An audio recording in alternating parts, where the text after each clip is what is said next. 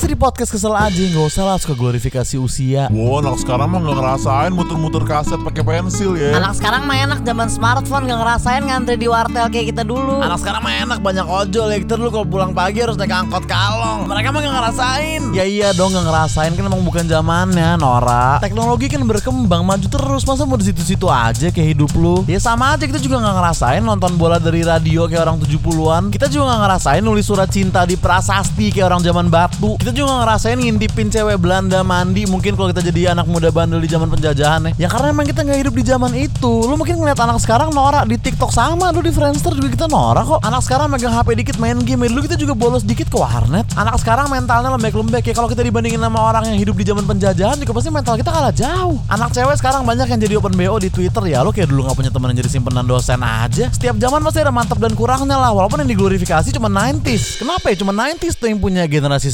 90-an 90s Music Festival Yang lain mah gak ada. Dan kalau gue lahir 91 tuh gue generasi 90-an bukan sih? Atau generasi 90-an itu adalah orang yang muda di 90-an Entahlah ya. Intinya janganlah suka ngerendahin orang lain Cuman karena dia lahir lebih telat dari lu. Terus lu ngerasa masa muda lu nih Wah lebih mantep, lebih susah perjuangannya Lebih keren. Aduh Malah agak kasihan jatuhnya kalau bisa lu banggain cuma umur doang bang. Lu kayak alumni SMA yang udah lulus 6 tahun tapi masih nongkrong tau gak lu? Lu kayak alumni kampus yang belum kerja Tapi masih main ke kampus mulu Mabok aja sama junior kerjaan. Uh zaman gue dulu nih mantep bro. Gitu lu. Janganlah jadi abang-abangan katro itu ya bro ya Kita hargain lah semua orang yang hidup di semua zaman. Belum tentu zaman dia tuh lebih gak seru juga dari zaman lu